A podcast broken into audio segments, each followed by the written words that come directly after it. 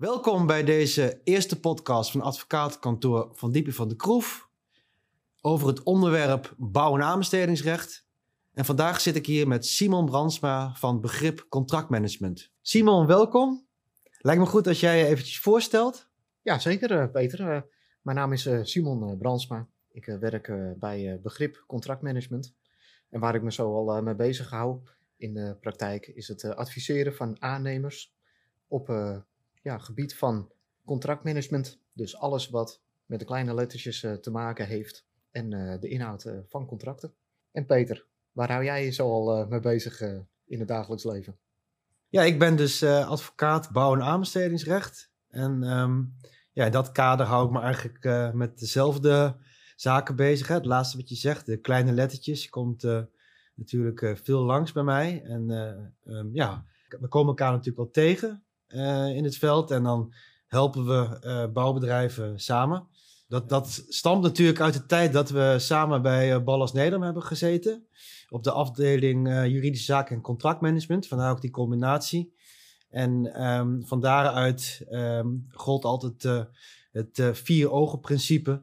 Dat een contractmanager en een jurist, in mijn geval dus een advocaat, na een zaak keek. Um, en nou, dat, dat doe ik dus nu op een advocatenkantoor van Diepen van de Kroef. En in dat kader leek het ons leuk om elkaar weer te treffen hier. en, en we zijn nog ieder ons eigen weegs gegaan. En uh, werken dus nu weer samen. En het zou leuk zijn als jij wat zou kunnen vertellen over de projecten die je op dit moment doet. Uh, en kan aangeven uh, wat daar zo al speelt. Zodat we daar, daar, daar, samen over kunnen hebben. en kijken wat voor juridische aspecten daarin zitten. en vragen die spelen.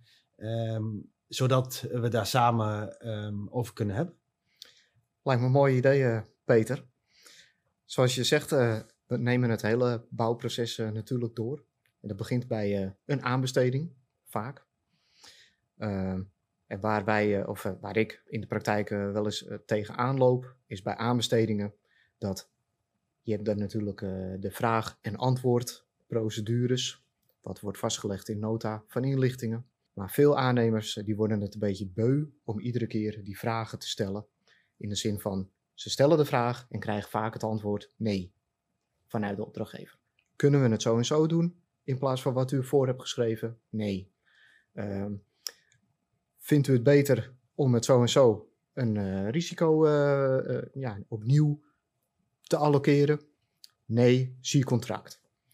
En dan was eigenlijk mijn vraag van, ehm, is daar nog een beetje nieuws over in aanbestedingsland?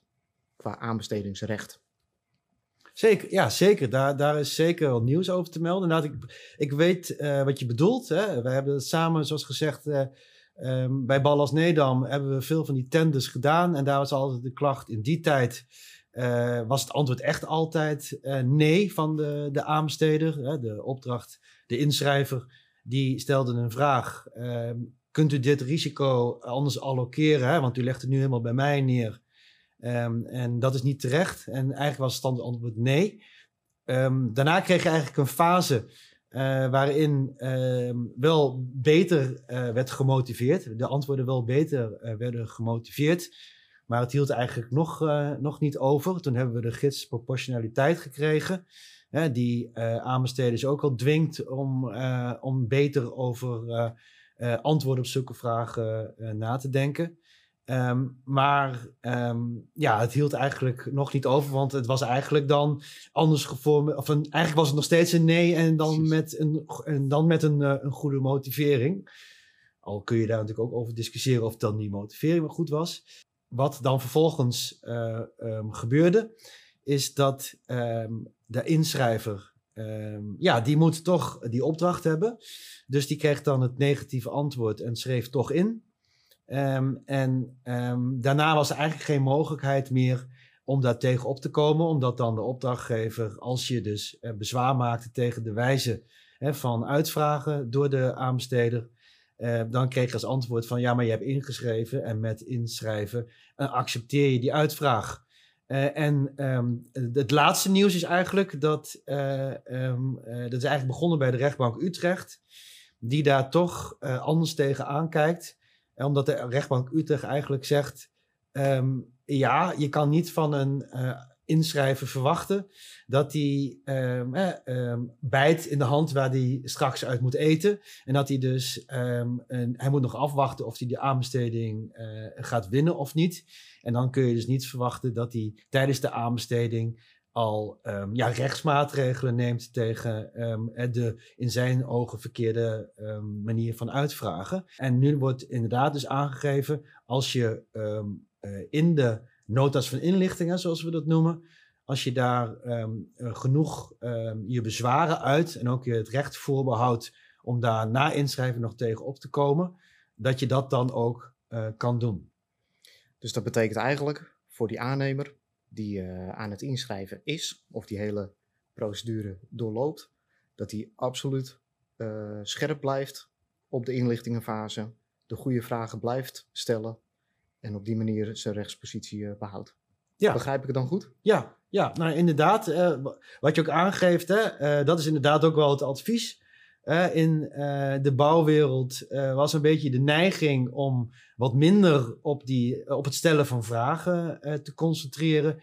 Want het, had, het had toch niet zin. Je kreeg toch dat antwoord wat negatief voor jou is. We doen dat niet. We doen dat niet meer. Het heeft toch niet zoveel zin ik denk dat het heel goed is, vooral met die laatste ontwikkelingen, om wel die vragen te stellen.